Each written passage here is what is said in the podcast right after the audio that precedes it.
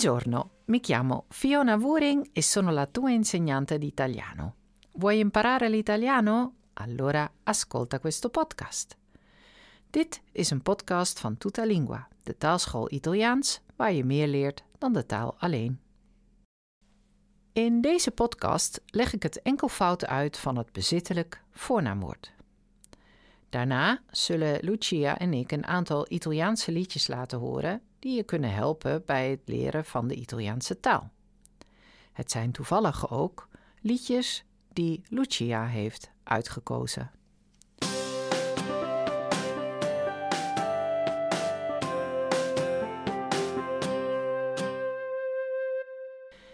Il possessivo is het bezittelijk voornaamwoord. Wat is nu het bezittelijk voornaamwoord? Dat is dat woord dat je gebruikt om aan te geven wat van jou is of wat van de ander is. Bijvoorbeeld mijn auto, jouw boek, zijn of haar fiets. Hoe maak je nou il possessivo in het Italiaans? In eerste instantie zeg ik altijd: ga uit van het zelfstandig naamwoord. Dus bijvoorbeeld il libro. Il libro is mannelijk en dan zet je het bezittelijk voornaamwoord mio ertussen. Het gedraagt zich dus bijvoeglijk, oftewel het bezittelijk voornaamwoord past zich aan aan het zelfstandig naamwoord. Is het zelfstandig naamwoord bijvoorbeeld vrouwelijk, bijvoorbeeld la pizza, dan is mijn pizza la mia pizza. Het is voor Nederlanders soms uh, moeilijk om te bedenken dat er altijd een, of bijna altijd, ik leg de volgende podcast wel uit wanneer niet, maar in ieder geval bij het bezittelijk voornaamwoord komt er een lidwoord voor. En in het Nederlands zeggen we natuurlijk mijn boek en mijn pizza, maar dat wordt in het Italiaans de mijn boek. Dus daarom zeg ik ook: ga eerst uit van il libro en zet dan mio ertussen. Of in het geval van la pizza, dan wordt dat la mia pizza. Je ziet dat mio dan verandert in mia. Het bezittelijk voornaamwoord voor mijn is dus mio of mia. Jou, tuo of tua. Zijn of haar, of uw, suo of sua. Nogmaals, het meervoud behandel ik dan in de volgende podcast, maar ik wou het nu alleen even houden bij het enkelvoud. Um, voor wat betreft zijn of haar, ja, dat kan je dan dus ook niet vertalen, omdat het nogmaals terugslaat op het zelfstandig naamwoord. Dus il suo libro kan dus zijn of haar boek zijn. Het gaat namelijk om il libro. Hoe vertaal je dan nu bijvoorbeeld mijn liedje? Nou, eerst vertaal je dan het liedje La canzone, zoals je hoort aan het, aan het lidwoord la, is canzone vrouwelijk. En dus pak je mia en die zet je ertussen en krijg je dan la mia canzone. Even in de herhaling, de bezittelijke voornaamwoorden zijn dus mio, tuo en suo voor mannelijk enkelvoud en mia, tua en sua voor vrouwelijk enkelvoud.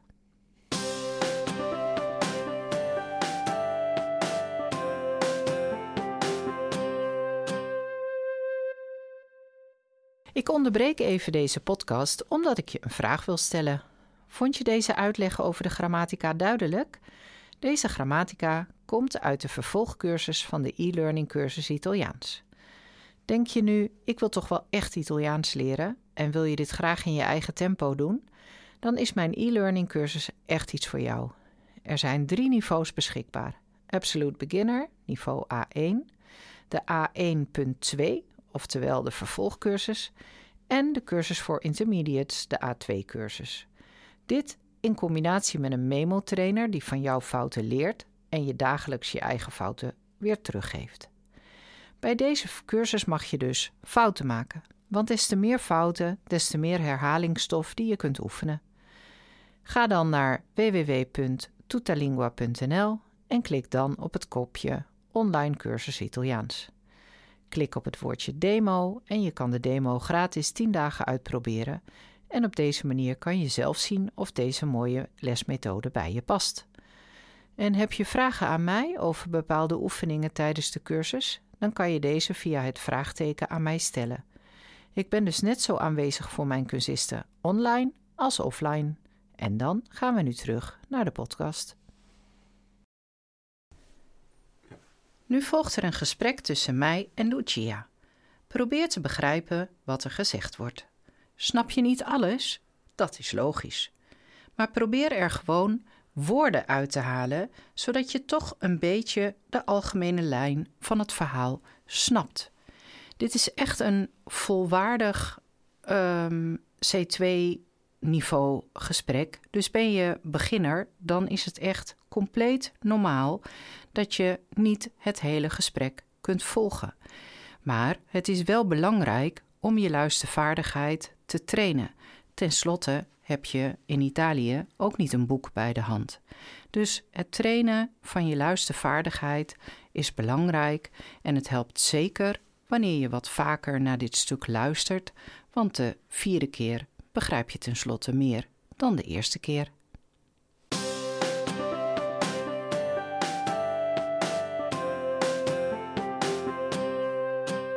Oh, ciao Lucia, bentornata. Eh, grazie. Eh, oggi volevo chiederti che cosa sono le tue canzoni preferite.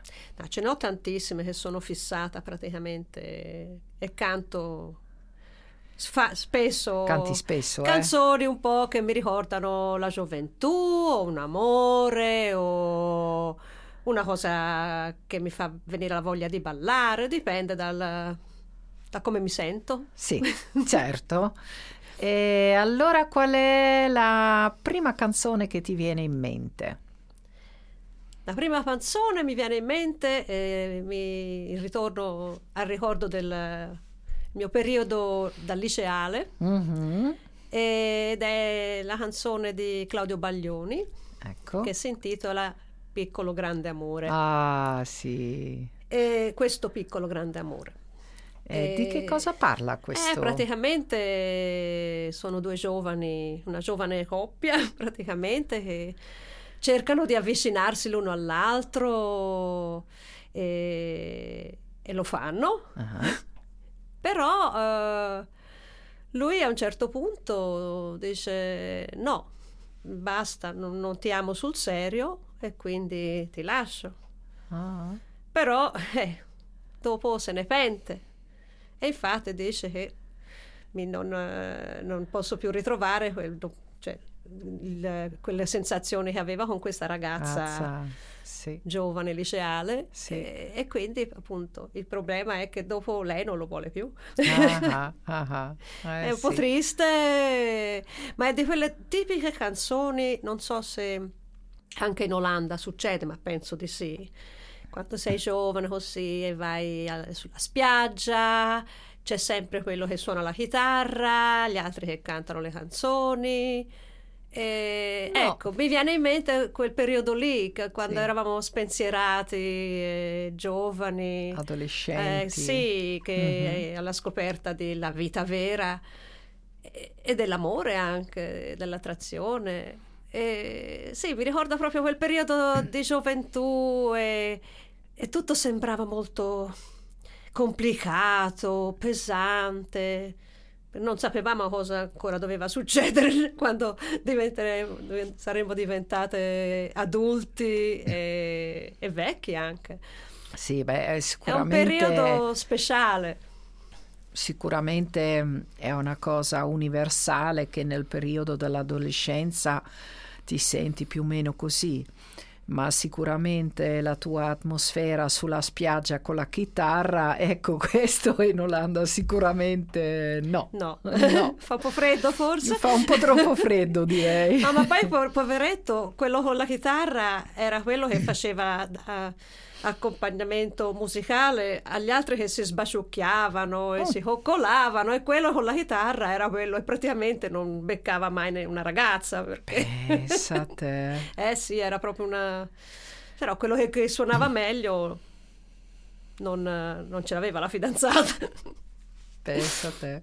Pensa che per me invece la persona con la chitarra è la persona...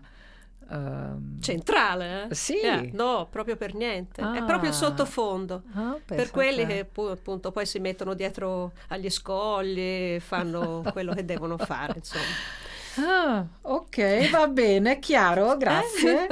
e un'altra canzone? Eh, poi abbiamo un'altra del, di Vasco Rossi, che mm-hmm. invece mi fa pensare a quando io in effetti ero un po' affascinata e, a un ragazzo e anch'io. Però non è mai successo niente. Ma se sento questa canzone di Vasco Rossi che si intitola ehm, Ogni volta. Ah, sì. Eh, quello mi fa venire proprio il, la nostalgia di quei momenti che non erano di intimità, ma proprio di, di amicizia e di, ci, ci, rincorrevamo l'uno con l'altro per, sì. proprio per evitare che l'amicizia si rompesse. Uh-huh. Non è mai diventato un amore, no, no, ma però ancora così. amicizia. Sì, ah, e, e quello bello. mi viene proprio le lacrime agli occhi dalla commozione, ah. ricordo di questi periodi bellissimi insieme. Le, tutti gli estati ci ritrovavamo nello stesso posto a Cervia, a, sul mare Adriatico uh-huh. e ci passavamo le vacanze, ma in modo abbastanza innocente. Ecco. ecco. Bene, capisco. Mi, mi, mi ricordo, è un bel ricordo. Ok, perfetto. E numero tre? Eh, per quanto riguarda appunto qui è che io ho una, una, una grande yeah, mi piace proprio la, la, persona come persona è um, Fiorella Mannoia uh-huh.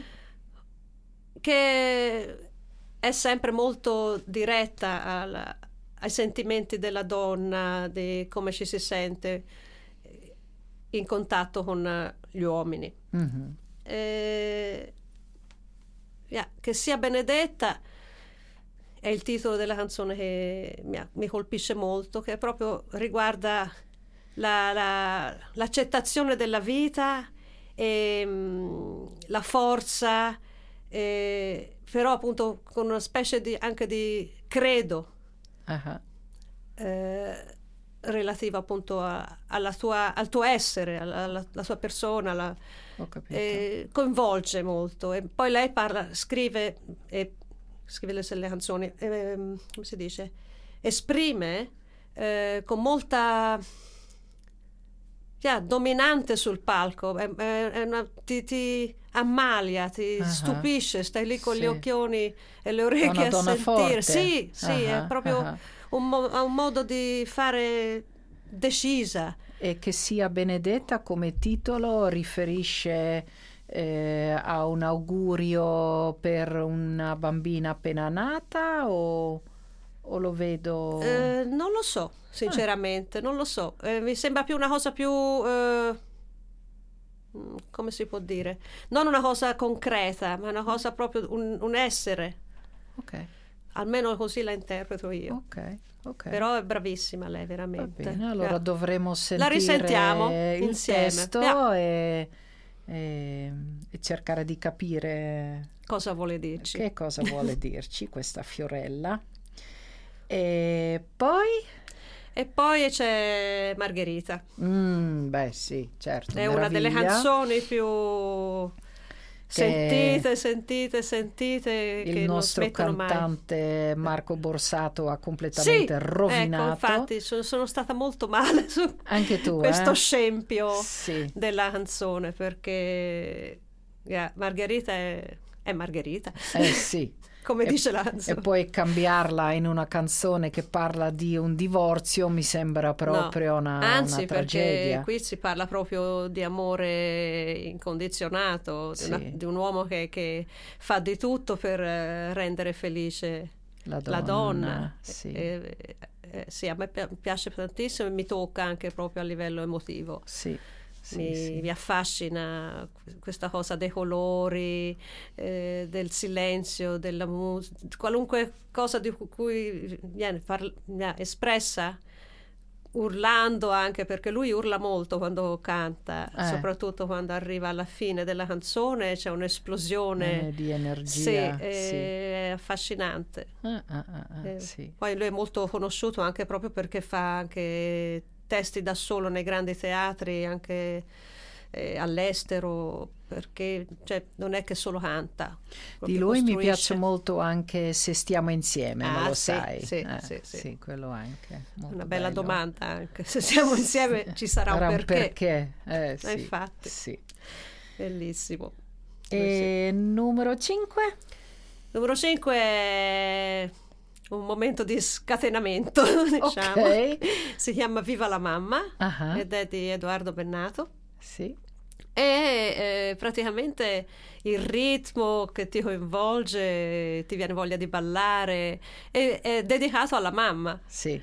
alla mamma con la gonna ancora lunga, poi c'è anni 50, e- e questo modo di vivere frolic in, in Mhm. italiano, eh, gioioso Mm. con questo concerto dietro che, che la musica che ti, ti dà ti viene voglia di, di- di fare proprio salti cioè, Sì. è, è gioiosa, è allegra, non è pesante eh, Però è incredibile eh, che qualcuno, eh, un uomo, canti una canzone per la mamma. sì però, Un po' però tipicamente italiano. nel testo c'è Eh. anche scritto che praticamente dice viva la mamma eh, perché eh, te non sei gelosa Ah, veramente perché lui, lui parla con la mamma e non con un'altra ragazza. ah, sì, Quindi sì. tu non sei gelosa. Yeah, la mamma è una specie di icona che non, non- cioè non si può eh, cambiare, insomma. Eh. Le ragazze sì, però non è, La non è mamma- il fatto di essere no. geloso perché non sono geloso di tua madre. Quindi Ho capito. Eh, però ecco, questo sicuramente è una cosa culturalmente diversa, eh sì, no? Perché eh sì, certo. eh, qui la mamma, sì, certo, sempre la mamma, però non è un'icona come in Italia. No. In Italia infatti si dice anche la mamma ha sempre ragione. Sì, è no? certo, sì, sì. Eh, A volte hanno distrutto famiglie le mamme o Eh le sì. suocere, quindi Sì. soprattutto. A volte puoi avere la suocera più bella del mondo come ce l'ho io qui, la mia suocera olandese, eh, ma yeah, ci sono anche suocere che sono molto dominanti e yeah, quelle sono un po' gatte da pelare, come si dice. Ecco, sì, un bel modo di dire, sì. E, e- e- quindi mm, lo dico bene eh, quando, eh, quando dico che la mamma è un po', sì, il nucleo familiare, ma anche al di sopra della Sì. famiglia. Sì. Sì, Sì, è praticamente quello che regge, la regina, diciamo. sì. E non solo della casa, ma anche delle case degli altri spesso, Sì. nel senso che ci sono sempre quelle mamme, ah, vengo a farti compagnia, ti aiuto, vogliono, guardano se hai pulito per bene, Sì. guarda se hai piegato la... la- la- in modo, la mentalità viene molto inculcata anche alla, alla nuora, ad esempio, o alla cugina, chiunque eh, sia in un territorio familiare, c'è sempre una che, che è la mamma Mhm. o anche la nonna eh, a volte che decide come devono essere fatte le cose. Quindi a volte le giovani coppie sono praticamente con questa nonna o questa mamma che ti controlla in continuazione, che viene a casa tua a vedere se, Eh, a se fai le cose per bene, pulisci, Ma la loro privacy? quasi per niente. Beh. La maggior parte le nonne e le, le nonne, anche le mamme, hanno le chiavi, cioè ti possono entrare dentro in Dai. casa tranquillamente. Certo. Eh, succede spesso. Sì. che si intromettono, oh ti ho fatto la, la pastiera, ti ho fatto questo, guarda ci ho fatto le lasagne, Sì. entrano, escono. E poi devi per forza dire grazie. In Olanda è Impensabile. impossibile, proprio non esiste, proprio, No, anzi la eh. privacy della famiglia, Sì. dopo una certa ora non si, non si telefona, non, si, non, ci non- viene, a trovarci all'improvviso. Iso, No. E invece in Italia quasi, soprattutto nei paesi piccoli, sai, eh, che la gente mormora, Ah. è importante sapere che quella lì pulisce bene, che sta attenta alla famiglia, perché, sai, Eh, sì.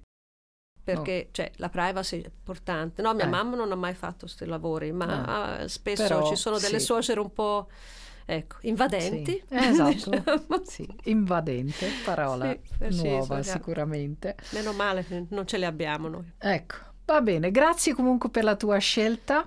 Grazie a te.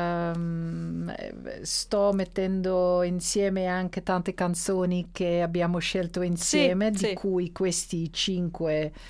I miei eh, favoriti. Esatto, eh, li abbiamo tirati fuori, eh, ma li voglio mettere su Spotify in modo Mm, che la gente eh, possa sentire un, un bel elenco Ma sono di- tutti di tipi musica. diversi, per cui Esatto. un po' un È un po', eh, sì, un po' potpourri, bello. Ok, va bene, grazie Luz. Prego. Buona giornata.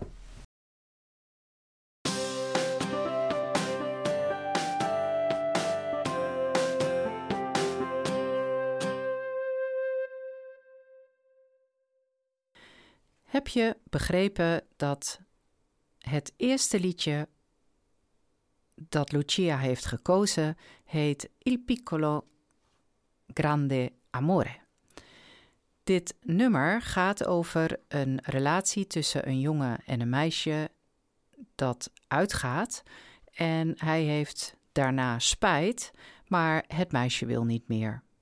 Ze vertelt over een situatie op het strand waar het haar aan doet denken.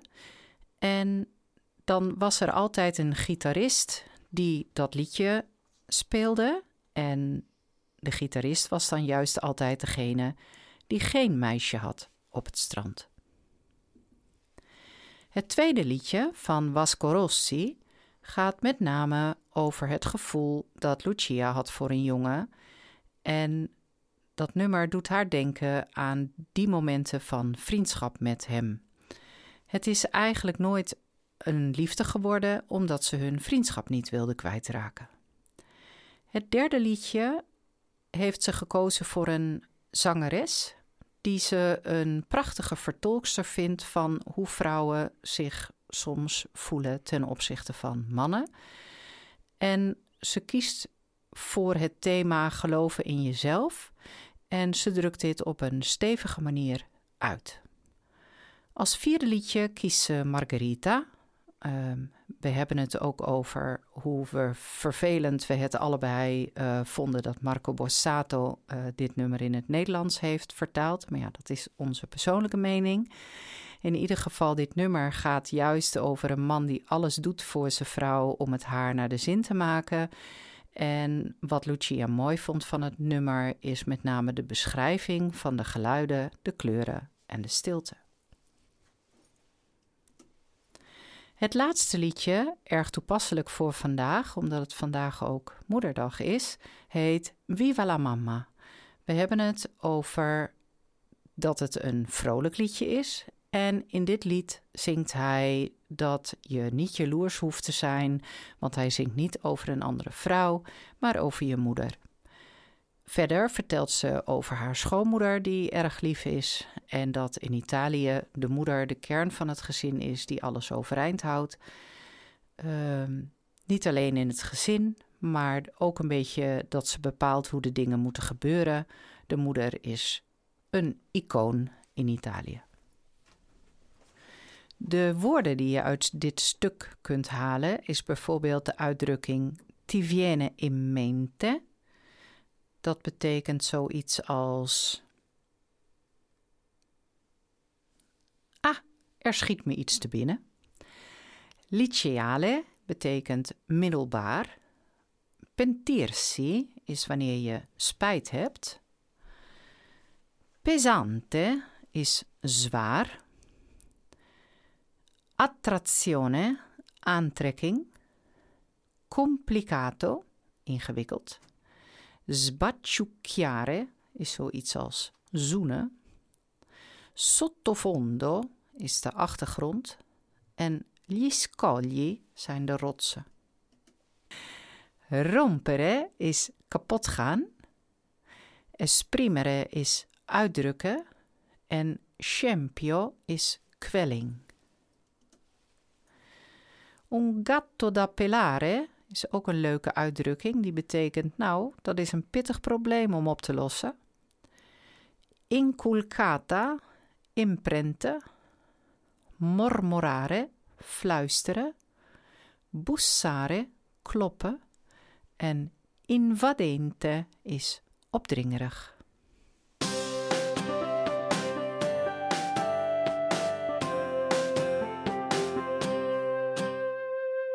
Wil je graag Italiaans leren? Ga dan naar de website van Tutalingua, waar je meteen kunt starten met de e-learning cursus Italiaans. Wist je dat er binnenkort ook een online cursus komt? Veel volgers van de podcast willen graag les van me hebben, maar vinden Twente te ver. Voor die mensen komt er binnenkort ook een online mogelijkheid om online klassikaal les te krijgen.